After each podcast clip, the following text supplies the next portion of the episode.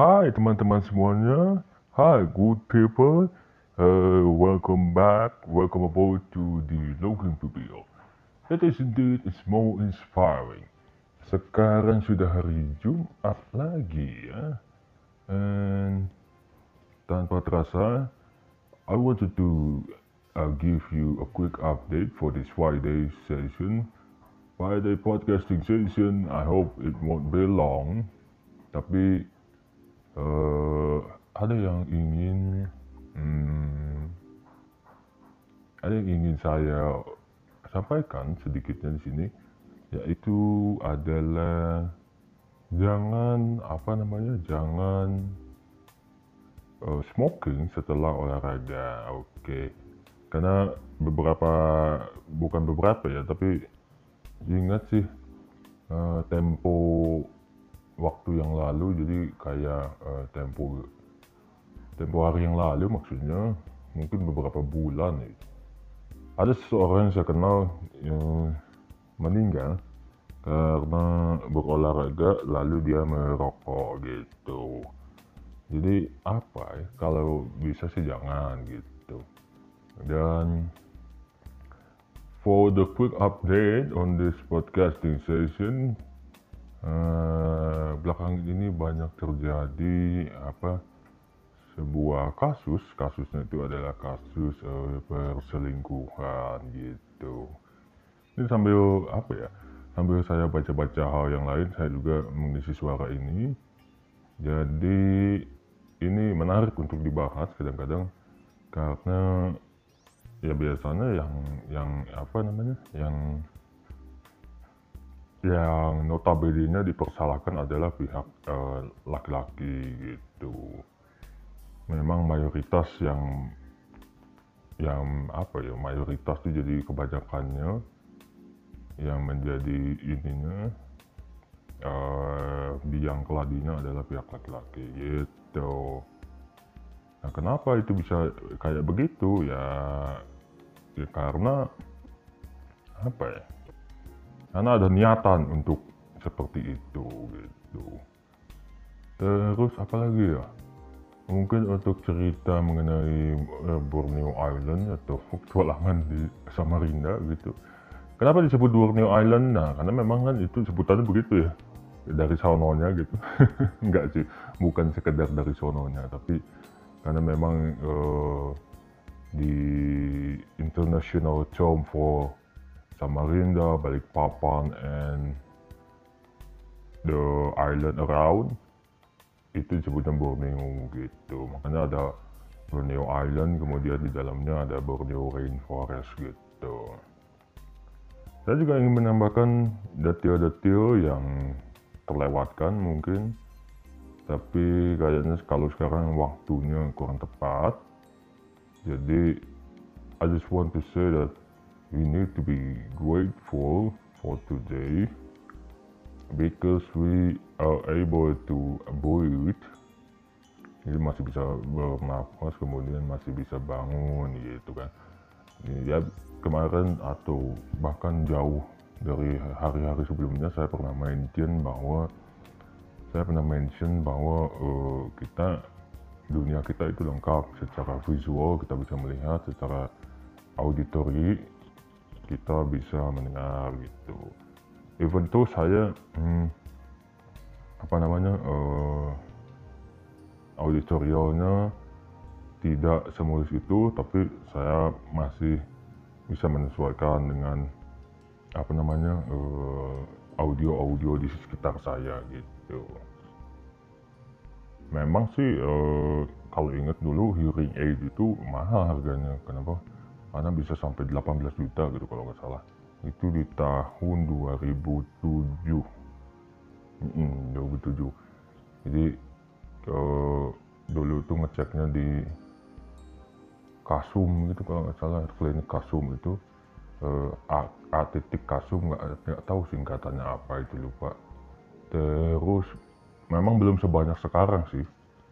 Karena kalau klinik untuk netra mungkin banyak tapi kalau untuk klinik auditori yang yang menyediakan uh, bantuan untuk yang, men, yang mengalami kesulitan pendengaran gitu. Apabila dibandingkan dengan yang e, bermasalah dengan mata tentunya lebih banyak yang mata lebih mendominasi gitu untuk yang pendengaran atau auditori gitu mm, agak susah kalau di tahun-tahun itu. Tapi semakin ke sini kata kayaknya sih ya, kelihatannya semakin baik gitu membaik gitu. Ya itu tadi ya e, untuk sesi podcasting dan ngobrol santai kali ini. Ini saya sambil ngerjain sesuatu yang lain kayak baca-baca pelajaran dan ngerjain yang lain lah pokoknya kayak trading itu. Eh, bisa disimpulkan bahwa kalau kita rutin hmm, olahraga entah itu lari entah itu eh, bersepeda entah itu aerobik entah itu eh, yoga entah itu apa pun yang eh, kegiatan yang bersifat berolahraga jadi mengolah tubuh mengolah raga mengolah hmm, jasmani jasmani ya karena fisik bukan rohani. Kalau rohani biasanya berkaitan dengan mentalitas uh, itu disarankan untuk tidak uh, apa ya tidak merokok gitu setelahnya. Kalau mungkin untuk public figure itu saya ingatnya Agung Hercules ya nggak salah. Kabarnya sih uh, almarhum ya nyebutnya gitu ya kalau dalam agama Islam. Almarhum itu uh, kalau non muslim itu nyebutnya mendiang ya. Mendiang uh, Agung Hercules itu uh, apa ya? Kabarnya merokok kalau misalnya sudah olahraga tuh jadi like instantly smoking gitu. Jadi habis capek-capek langsung sedot sedot gitu. Nah ini sangat di yang tidak disarankan gitu. Jadi uh, kalau misalnya manusia-manusia gitu bukan manusia aja nggak sopan banget nyebutnya manusia. Orang-orang terdekat saya yang saya kenal baik yang saya kenal secara dekat atau yang saya kenal secara jauh. Memang sudah banyak saya saksikan dalam hidup saya eh, individu-individu ya orang-orang gitu yang merokok itu tumbang gitu. Direnggut satu persatu hidupnya karena kasusnya adalah uh, smoking yang menyebabkan mereka terkena cancer gitu memang sih kalau misalnya ada istilah lebih baik mencegah daripada mengobati ya betul gitu. Lebih baik tidak berurusan sama sekali daripada harus berurusan dan urusannya itu panjang lebar gitu. Kenapa saya bilang urusan dengan cancer itu adalah urusan yang panjang lebar? Well basically cancer itu bukanlah penyakit yang bisa disembuhkan dalam semalam gitu atau seminggu atau bahkan sebulan. Penyembuhannya itu menahun gitu eh, saya pun saya kenal dengan orang-orang yang uh, direnggut kehidupannya nyawanya karena cancer dan orang-orang yang survive karena cancer gitu. Dan yang survive ini sembuhnya tidak semalam tidak dua malam gitu. Sembuhnya itu tiga tahun empat tahun dan apa yang diminum oleh survivor cancer ini bukanlah hal yang kita sukai gitu. Jadi survivor cancer itu tidak hanya minum jus strawberry gitu. Mereka juga meminum ramuan-ramuan kalau untuk orang yang saya kenal ramuan-ramuan super pahit dari uh, ancient Chinese medics gitu ya. Jadi pengobatan tradisional dari Cina gitu, dari Tiongkok yang rasanya sumpah nggak banget pahit luar biasa gitu. Saya pernah nyobain nyicip dikit aja. Ya, rasanya kayak mau mati gitu. Dan kita catat dulu nih nomor 18 nomor 18 oke eh, 18 19 20 oke sip. Hmm gitu ya balik lagi ya tadi membahas tentang cancer itu. Hmm. ini memang tidak bisa disembuhkan dalam semalam gitu. Dan obatnya juga bukan obat yang rasanya kayak permen gitu. Kayak prosogan yang saya minum untuk mengobati penyakit eh, asam lambung kronis saya tempo tahun lalu gitu ya. Gitu jadi jangan macam-macam itu apa sih kira-kira yang bisa menyebabkan cancer gitu? Macam-macam sih. Biasanya sih dari apa yang kita makan dan apa yang kita masukkan ke dalam tubuh kita. Misalnya contoh gampangnya kalau eh, kalau makanan atau minuman tuh fruktosa atau monosodium glutamat MSG gitu. Berlebihan juga nggak bagus kanker tuh banyak ya. Ada mata ada mata eh, ada lambung kalau nggak salah. Usus ya usus juga ada paru-paru payudara kemudian kanker serviks kanker dinding rahim atau apa ya. Sorry kalau sebutan saya salah dalam menyebutnya karena bukan orang medis juga gitu. Terus ada kanker apa lagi ya? Eh, kulit terus kanker kulit itu biasanya karena terlalu banyak ini ya sinar ultraviolet itu ya nggak kalau nggak salah sih itu ya. Terus kanker kulit kanker tulang.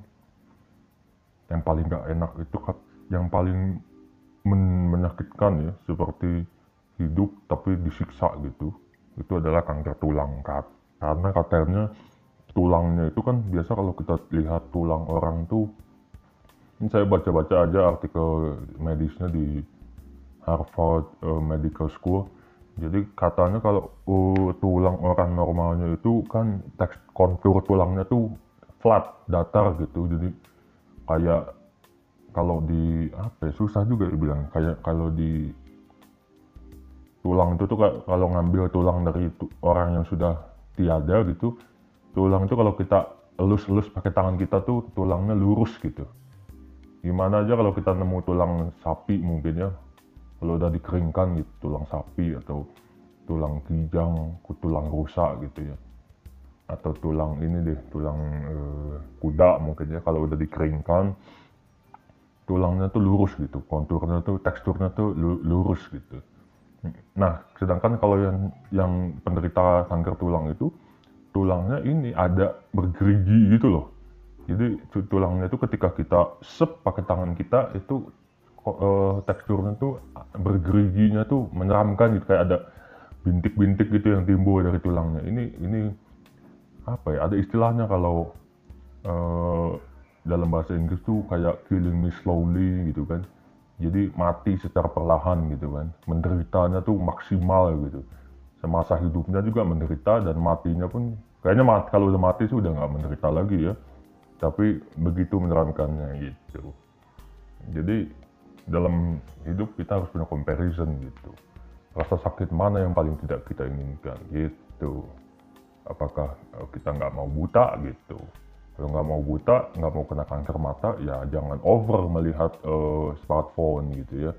Jadi smartphone screen itu kan selalu ada blue light-nya kan. Walaupun katanya udah sertifikasinya sudah di UV Rainland gitu kan sertifikasinya udah sertifikasinya udah sertifikasi internasional ala orang Swedia lah inilah gitu. Sesuatu yang berlebihan ya emang nggak bagus gitu. Ya kalau nggak mau kanker mata ya jangan terlalu sering melihat smartphone contohnya gampangnya seperti itu gitu. Kemudian nggak mau kena kanker ini eh, kanker hmm, lambung atau kanker usus gitu kan ya jangan makan makanan yang berpengawet dan pewarna buatan gitu terlalu sering gitu apalagi dosisnya yang nggak normal gitu. Terus mau kena kanker paru-paru gitu. Ya jangan begadang jangan terlalu sering merokok gitu. Mungkin untuk ke smokers yang addict gitu ya hmm, apa ya ini perlu saya pecah nggak ini ini kita udah running recordingnya selama 14 menit. Eh kayaknya nggak usah deh ya. Eh akan saya pecah. Tapi saya akan diakhiri satu buah lagu yang berjudul Ordinary People dari John Legend. Sebelum kita mendengarkan musiknya dan sebelum saya membahas tentang rokok lebih jauh lagi, oh, saya dulu adalah smoker juga, apalagi saya suka Marlboro Mix 9 itu yang rasa cengkeh dan ada aroma-aroma bubble gumnya gitu. Salah satunya salah satu produk Marlboro paling eksklusif di Indonesia dan sudah ditarik karena memang harganya sangat mahal. Di saat uh, ini singkat cerita di saat rokok biasa harganya 12.000 saat itu rokok yang saya sukai harganya sekitar 32.000 jadi bukan untuk kaum rakyat jelata gitu rokoknya gitu. Dan karena seperti itu, strategi marketing, strategi salesnya, penjualannya, jadi nggak ada yang beli gitu. Otomatis rokok kesukaan saya itu ditariklah dari peredaran gitu. Oke, ini dia lagunya eh, dengan judul Ordinary People dari John Legend. Selamat mendengarkan.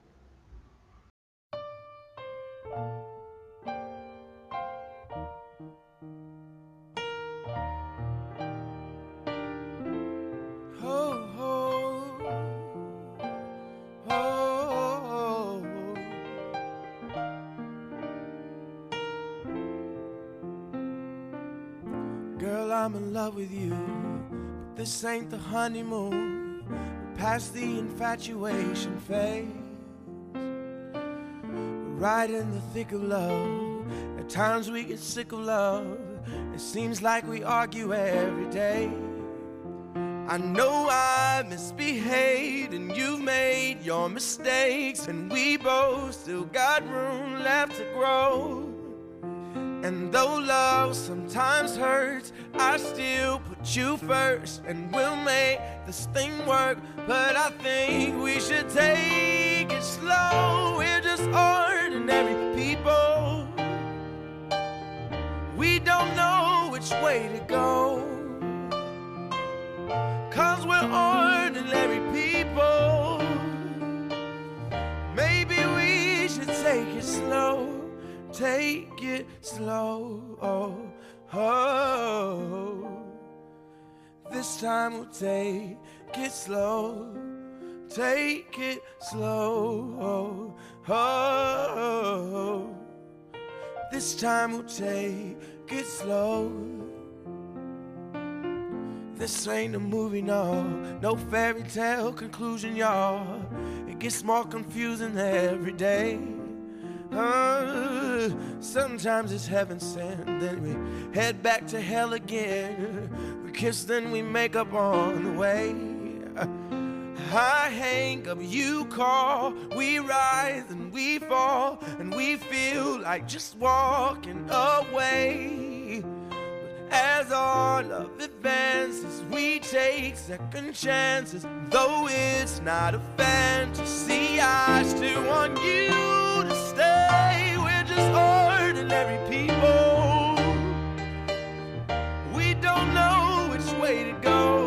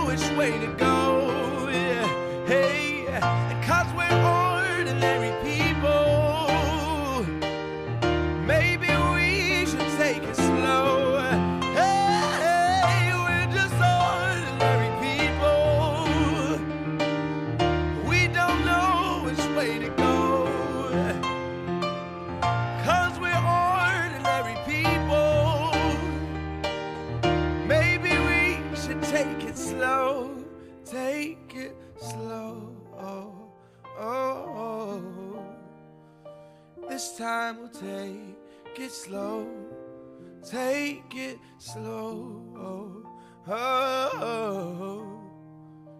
This time we'll take it slow. Take it slow. Slow. This time we'll take it slow.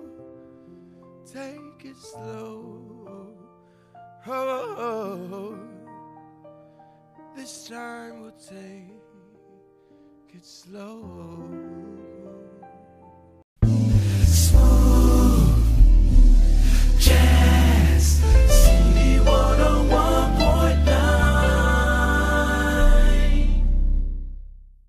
sebelumnya saya akan eh, uh, mengabulkan request seorang teman yang merupakan seorang apa namanya commercial maker di masa lalunya dan masih ongoing sampai sekarang.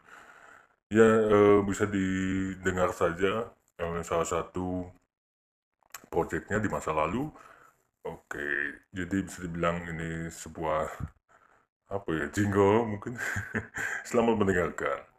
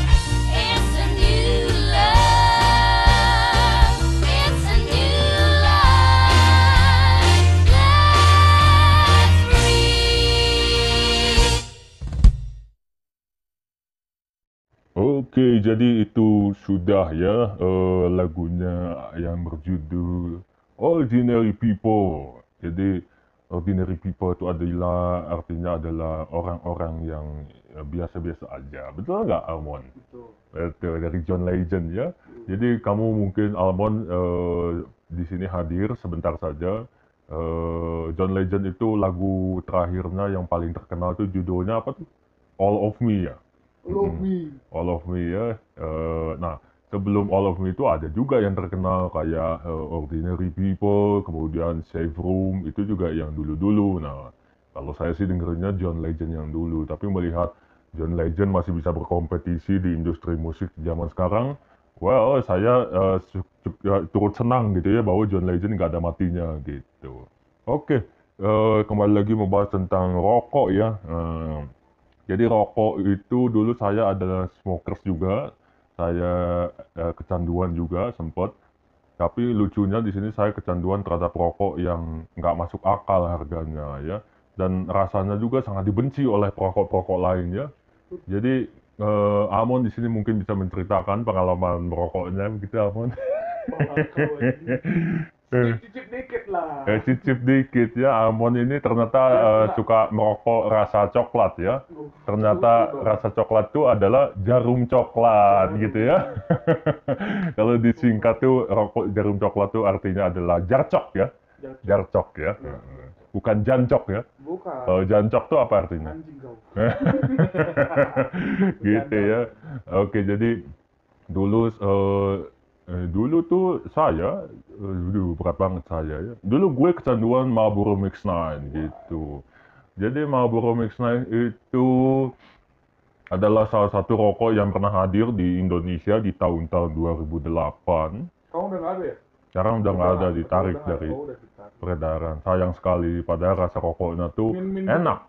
Min, Hah? Min, min. Bukan, rasa rokoknya tuh rasa ini uh, cengkeh wangi cengkeh ya rempah-rempah Indonesia asli terus uh, ada rasa bubble gumnya dikit oh. gitu jadi bubble gumnya itu kayak rasa vanilla gitu loh oh. kalau pernah nyium aroma root beernya Awe pernah nyium hmm. aroma root beernya yeah. dari Awe yeah, yeah, restoran yeah. Awe nah kayak yeah, gitu yeah. tapi dicampur dengan cengkeh gitu okay, okay.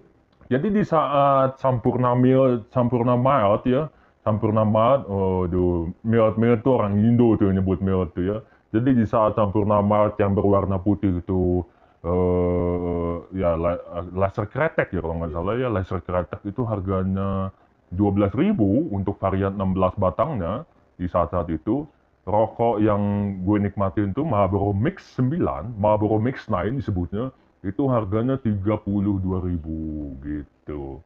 Jadi selain dibenci oleh teman-teman gue gitu, gue di, di, dikatakan bahwa uh, ini ini apa namanya anaknya cemen katanya rokoknya rasanya uh, rasa permen karet ya bukan tapi kretek, hah bukan bukan rokok kretek. bukan rokok kretek gitu, Kan bukan kelihatan kretek ya. Heeh, jadi kalau orang-orang di tongkongan gue tuh ngerokoknya di Samsu gitu kan. Gue Tapi Marlboro Mix 9. Pas ditanya harganya berapa? 32 ribu. Langsung mereka marah-marah kan.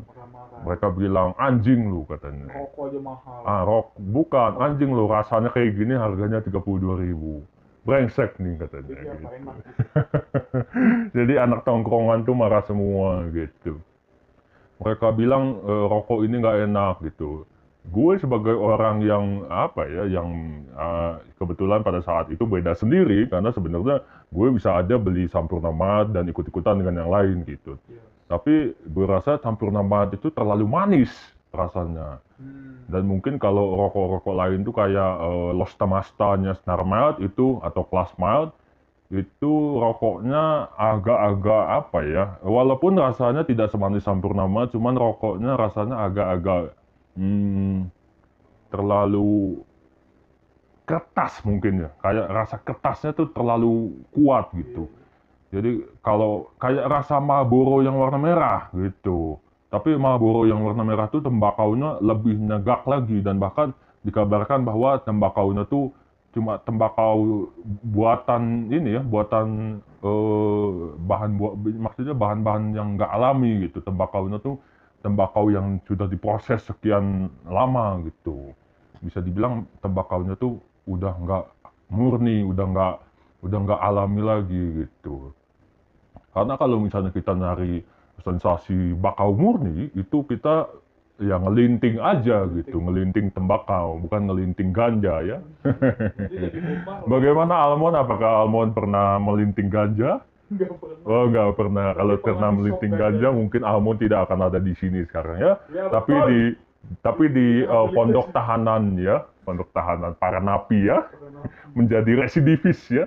Residivis itu adalah orang-orang botak yang di penjara ya. Jangan salah begini-begini saya pernah mampir ke penjara selama dua malam ya, dua hari dua malam. Karena saya eh, eh, menjahili anak perempuan eh, wali kota gitu. Enggak, bercanda. bercanda. Karena saya ini aja bandel aja gitu. Enggak ingin saya utarakan juga di sini kenapa alasannya?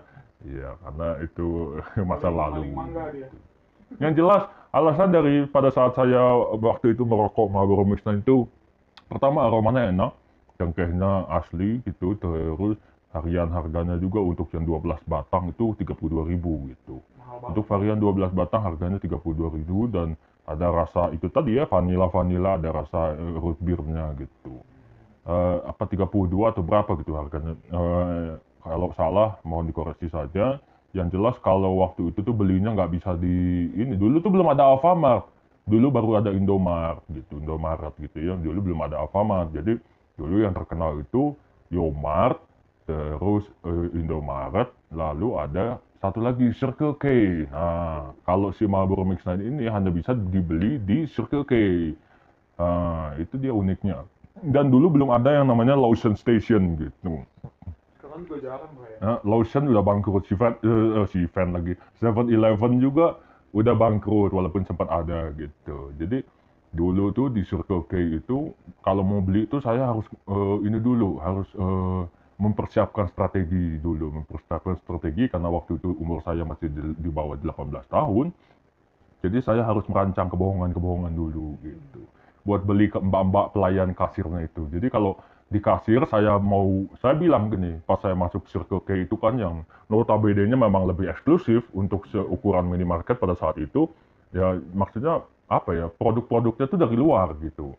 Jadi yang dijual di Circle K itu rata-rata produk dari Southeast Asia, jadi nggak cuma dari Indonesia aja. Gitu. Jadi ada dari ya Southeast Asia dan kemudian dari ada dari Eropa juga kayak dari eh, Amerika atau dari Belanda gitu. Kayak contohnya eh, waktu itu Chips Ahoy belum masuk ke Indonesia, tapi di Circle K Chips Ahoy udah ada gitu. Tahu Chips Ahoy nggak?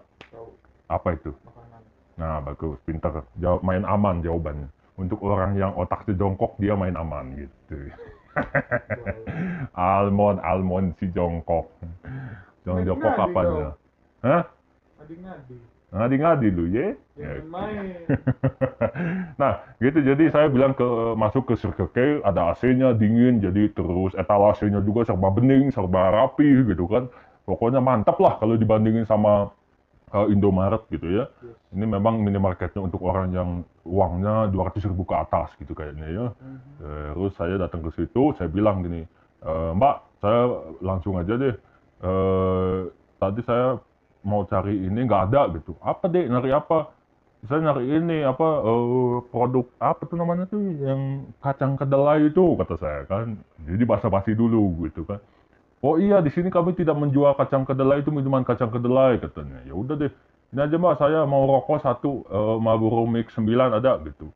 Loh kok kamu kecil-kecil mau ngerokok katanya gitu. Emang nakal sih. Eh, emang nakal ya gitu ngadi-ngadi ya ya di sini eh, taktik ngadi-ngadi kita keluar ya teman-teman jadi saya waktu itu jawabnya itu kakak saya yang pesen mbak kalau kalau saya nggak bawa rokok nanti saya dimarahin ini uangnya 100 ribu nah, gitu pokoknya jadi kita jangan pernah beli rokok apalagi sebagai anak kecil kemudian kita ngeluarin uang yang pas-pasan nanti dikiranya kita yang merokok tapi kalau kita ngeluarin satu lembaran merah 100 ribu nah mbak-mbaknya akan terdiam gitu mbak-mbaknya akan mendadak seksi woi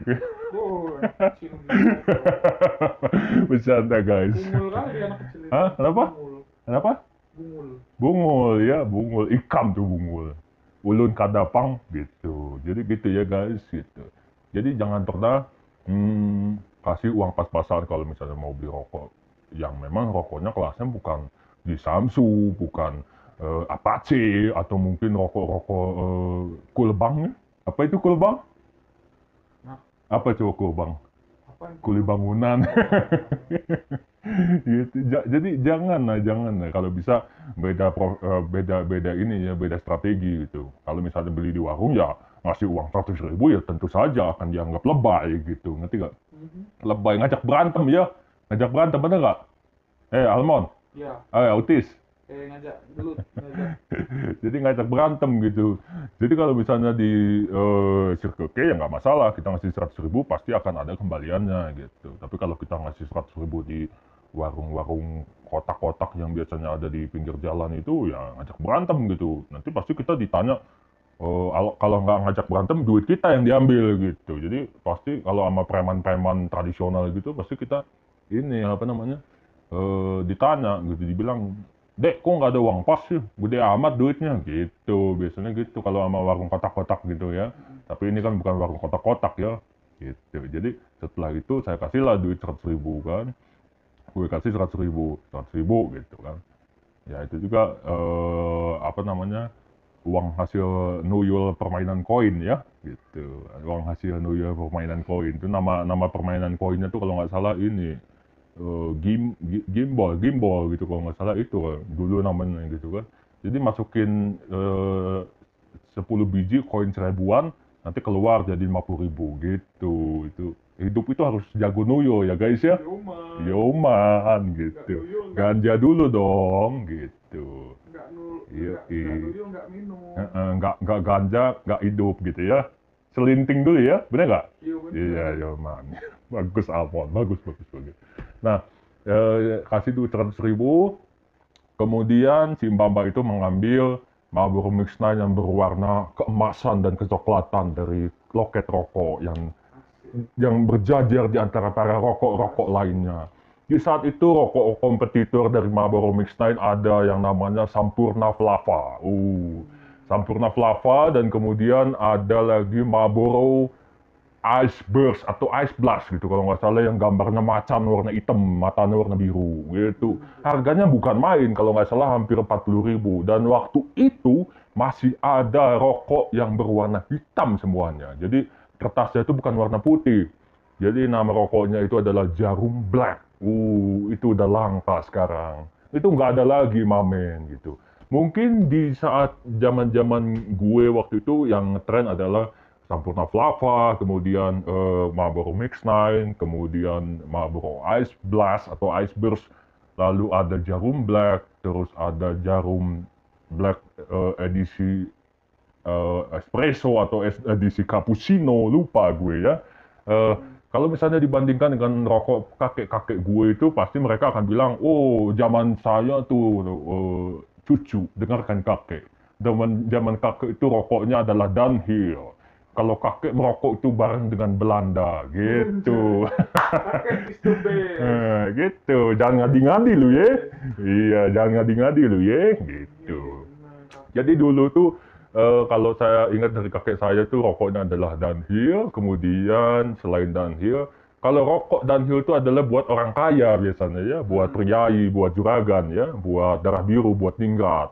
Tapi kalau untuk rakyat tuh rokoknya tuh eh, eh, wismilak ya, Wismillah ya, Wismillah itu artinya doakan saya beruntung. Wismillah gitu, Wismillah doakan saya beruntung gitu. Kemudian ada rokok lain seperti Banyak hmm. Lim Seng Ti ya, Lim Seng Ti itu kalau nggak salah 234 alias Ji Samsu. Eh, kemudian rokok lain itu kalau nggak salah eh, namanya rokok apa ya kalau rokok klasik itu eh, Arkansas gitu. Nah itu Arkansas tuh rokok-rokok eh, eh Arkansas Ardat sorry kenapa jadi Arkansas Ardat nama rokoknya tuh Ardat. Kemudian ada Palma itu rokok yang terkenal di tahun 2000-an gitu. Jadi eh, I am speaking here gitu bukan ngadi-ngadi bro gitu sebagai mantan perokok yang eh, batuknya udah keluar darah gitu ya sebagai mantan perokok yang batuknya udah keluar darah tentu saja saya sudah melalui seribu jalan pertobatan bersama Tuhan gitu. Bersama Tuhan dan para ustadznya ya. Gitu. Jadi apalagi kalau merokok setelah berolahraga itu sangat bahaya teman-teman gitu. Jadi beneran deh swear deh. Nggak main-main ini. Gue ngomong di sini bahwa kalau misalnya kita merokok setelah berolahraga ya apa ya eh, bahaya yang ditimbulkan misalnya eh, lung cancer. Lung cancer itu kanker paru-paru atau mungkin eh, kanker kanker mulut bisa jadi kanker nasofaring gitu kan kanker tenggorokan gitu makanya di iklan rokok itu selalu ada tulisan merokok menyebabkan kanker bla bla bla gitu. Nanti tenggorokannya tuh dibolongin gitu pakai ventilator tuh dibolongin ditusuk-tusuk telang tuh mau nggak? Sebelum mati kita tenggorokannya ditusuk-tusuk selang dulu. Sebelum mati kita kemoterapi dulu. Ya siapa yang mau seperti itu? Ya tentu saja orang yang sudah kecanduan yang mau seperti itu. Jadi hmm, dia selalu merokok, kemudian set- setelah dia melihat batuknya ada darahnya, dia lanjutkan lagi merokok gitu. Biasanya sih gitu. Itu eh, judulnya adalah siap menuju kematian gitu. Saya sudah sering menemukan sosok-sosok yang seperti itu, tapi memang omongan saya tidak didengar karena kan eh, dia cenderung kecanduan. Menasihati orang yang cenderung kecanduan itu eh, kepalanya biasanya udah berbentuk batu, batu dari zaman batu. Biasanya kalau kita nasihatin ya yang nggak akan mempan gitu, gitu. Jadi ya kesadaran terletak pada diri sendiri untuk eh, berubah dan bangkit gitu. Jadi pengalaman eh, gue sebagai seorang perokok, sebagai seorang smoker berhenti di tahun 2009 sebagai seorang smoker aktif tentunya. Tentu saja berhentinya gue merokok ini adalah ketika gue melihat batuk gue berubah menjadi warna hijau dan ada warna darahnya gitu. Jadi Marlboro Max Marlboro Mix 9 ini memang enak gitu. Apalagi kalau eh, merokoknya sudah dicampur dengan eh, ini ya, dicampur dengan dumolit ya, dumolit, kemudian eh, eh, intisari, kemudian mix max pada saat itu ada namanya mix max ya. Ya, nge-mix memek gitu. Astagfirullah, gila. Angkat ini gimana sih? Ini Ya, aduh, ternyata dunia ini se- semakin dekat menuju kiamat ya. ya ini kayaknya bakal gue cut nih di bagian ini. ini saya un- ini unsensor ya, bukan untuk anak di bawah 18 tahun ya. Jadi apa yang pernah gue bilang bahwa masa lalu gue itu termasuk kelam gitu, eh, ya itulah jadi contohnya ya. Termasuk Almond juga merasakan bahwa kelamnya dunia ini itu eh, sebenarnya hanyalah tentang ganja dan penjara, betul? Betul, itulah dia gitu. Jadi jangan jangan ngadi-ngadi ya gitu. Oke, hmm, untuk teman-teman semuanya di luar sana yang masih eh, sehat, bugar, kuat dan tahan lama gitu, jangan menyanyiakan eh, kemampuan yang kalian miliki saat ini, apalagi yang masih bisa melihat, kemudian yang masih bisa mendengar, masih bisa berpikir, masih bisa melalui hari-hari tanpa rokok gitu. sebaiknya sih kalau mau merokok ya untuk yang sudah pernah kecanduan merokok ya dikurangi saja dosisnya. Mungkin diganti ya, bisa diganti alternatifnya menjadi itu ya, vaporizer ya. Ya, tapi vaporizernya bolehlah dosis nikotinnya ditambah, kemudian dikurang sedikit demi sedikit. Sehingga pada akhirnya yang nanti dihisap hanya eh, kandungannya hanya gula aja ya, gula gitu. Jadi kalau orang tuh diabetes biasanya di di bagian pantat ya, di bagian kaki. Nah kalau ini diabetesnya di bagian paru-paru gitu ya. Jadi kelebihan gula di bagian paru-paru akibat nyedotin itu ya, liquid dari vaporizer ya. gitu. Oke oke oke. Lucu sekali bagi beberapa orang gitu. Sebenarnya garing sih ya. Anjing kau ya. gitu ya. Oke untuk eh, mengurangi dosis rokok bisa diganti dengan vaporizer dan kemudian untuk yang sudah hmm, tidak merokok sama sekali mungkin eh, eh, bisa disiasati dengan cara eh, merokok hanya pada saat yang penting-penting aja gitu. Jadi kayak eh, hmm, kayak pada saat malam tahun baru gitu ya atau misalnya pada saat malam Valentine gitu ya. Valentine-nya sebentar lagi akan Valentine. Kalau orang Sunda karena nggak bisa nyebut V, maka V-nya berubah menjadi P ya.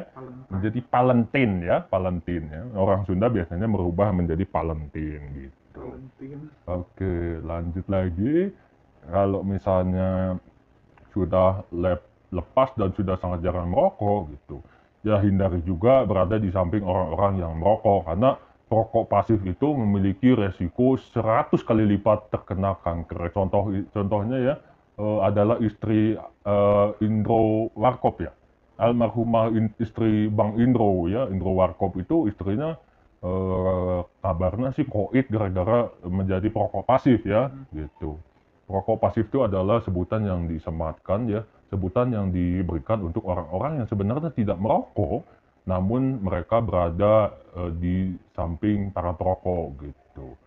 Jadi saya sebenarnya bukan benci sama rokok, tapi memang kayaknya udah ada rasa yang nggak nyaman gitu kalau misalnya berada di orang yang sedang merokok. Cuman kalau sekarang saya disuruh merokok, saya berani-berani aja gitu. Apalagi kalau rokoknya itu adalah uh, seperti uh, kelas rokoknya itu seperti Marlboro Mix 9 atau misalnya uh, hmm, Jarum Black gitu karena memang rasanya enak. Gitu kalau misalnya kalau disuruh ngerokok seperti Magnum uh, uh, terus apa Sampurna Mas itu sih kalau udah darurat gitu ya. Mungkin kalau ada orang yang maksa uh, gue buat ngerokok ya nggak apa-apa lah sebatang dua batang lah gitu. Demi menghormati pertemanan ya. Hmm. masa di tongkongan uh, masa di tongkrongan semua orang merokok gue sendiri nolak gitu. Nanti kan uh, dikiranya gue anak alim lagi ya gitu Oke, sekian terima kasih untuk sesi podcasting kita kali ini yang sebenarnya nanti akan gue berikan judulnya sebagai uh, bahaya merokok setelah berolahraga gitu. Uh, bahaya yang tersembunyi apabila kita merokok secara rutin. Nah, kira-kira itulah ya, di sekitar itu judulnya. Oke, okay, thank you for listening to the Logging Premier atau dalam bahasa Indonesia-nya, terima kasih sudah mendengarkan podcast Senam Otak dengan uh, slogannya yaitu makanya mikir dong. Oke, terima kasih. Sampai jumpa.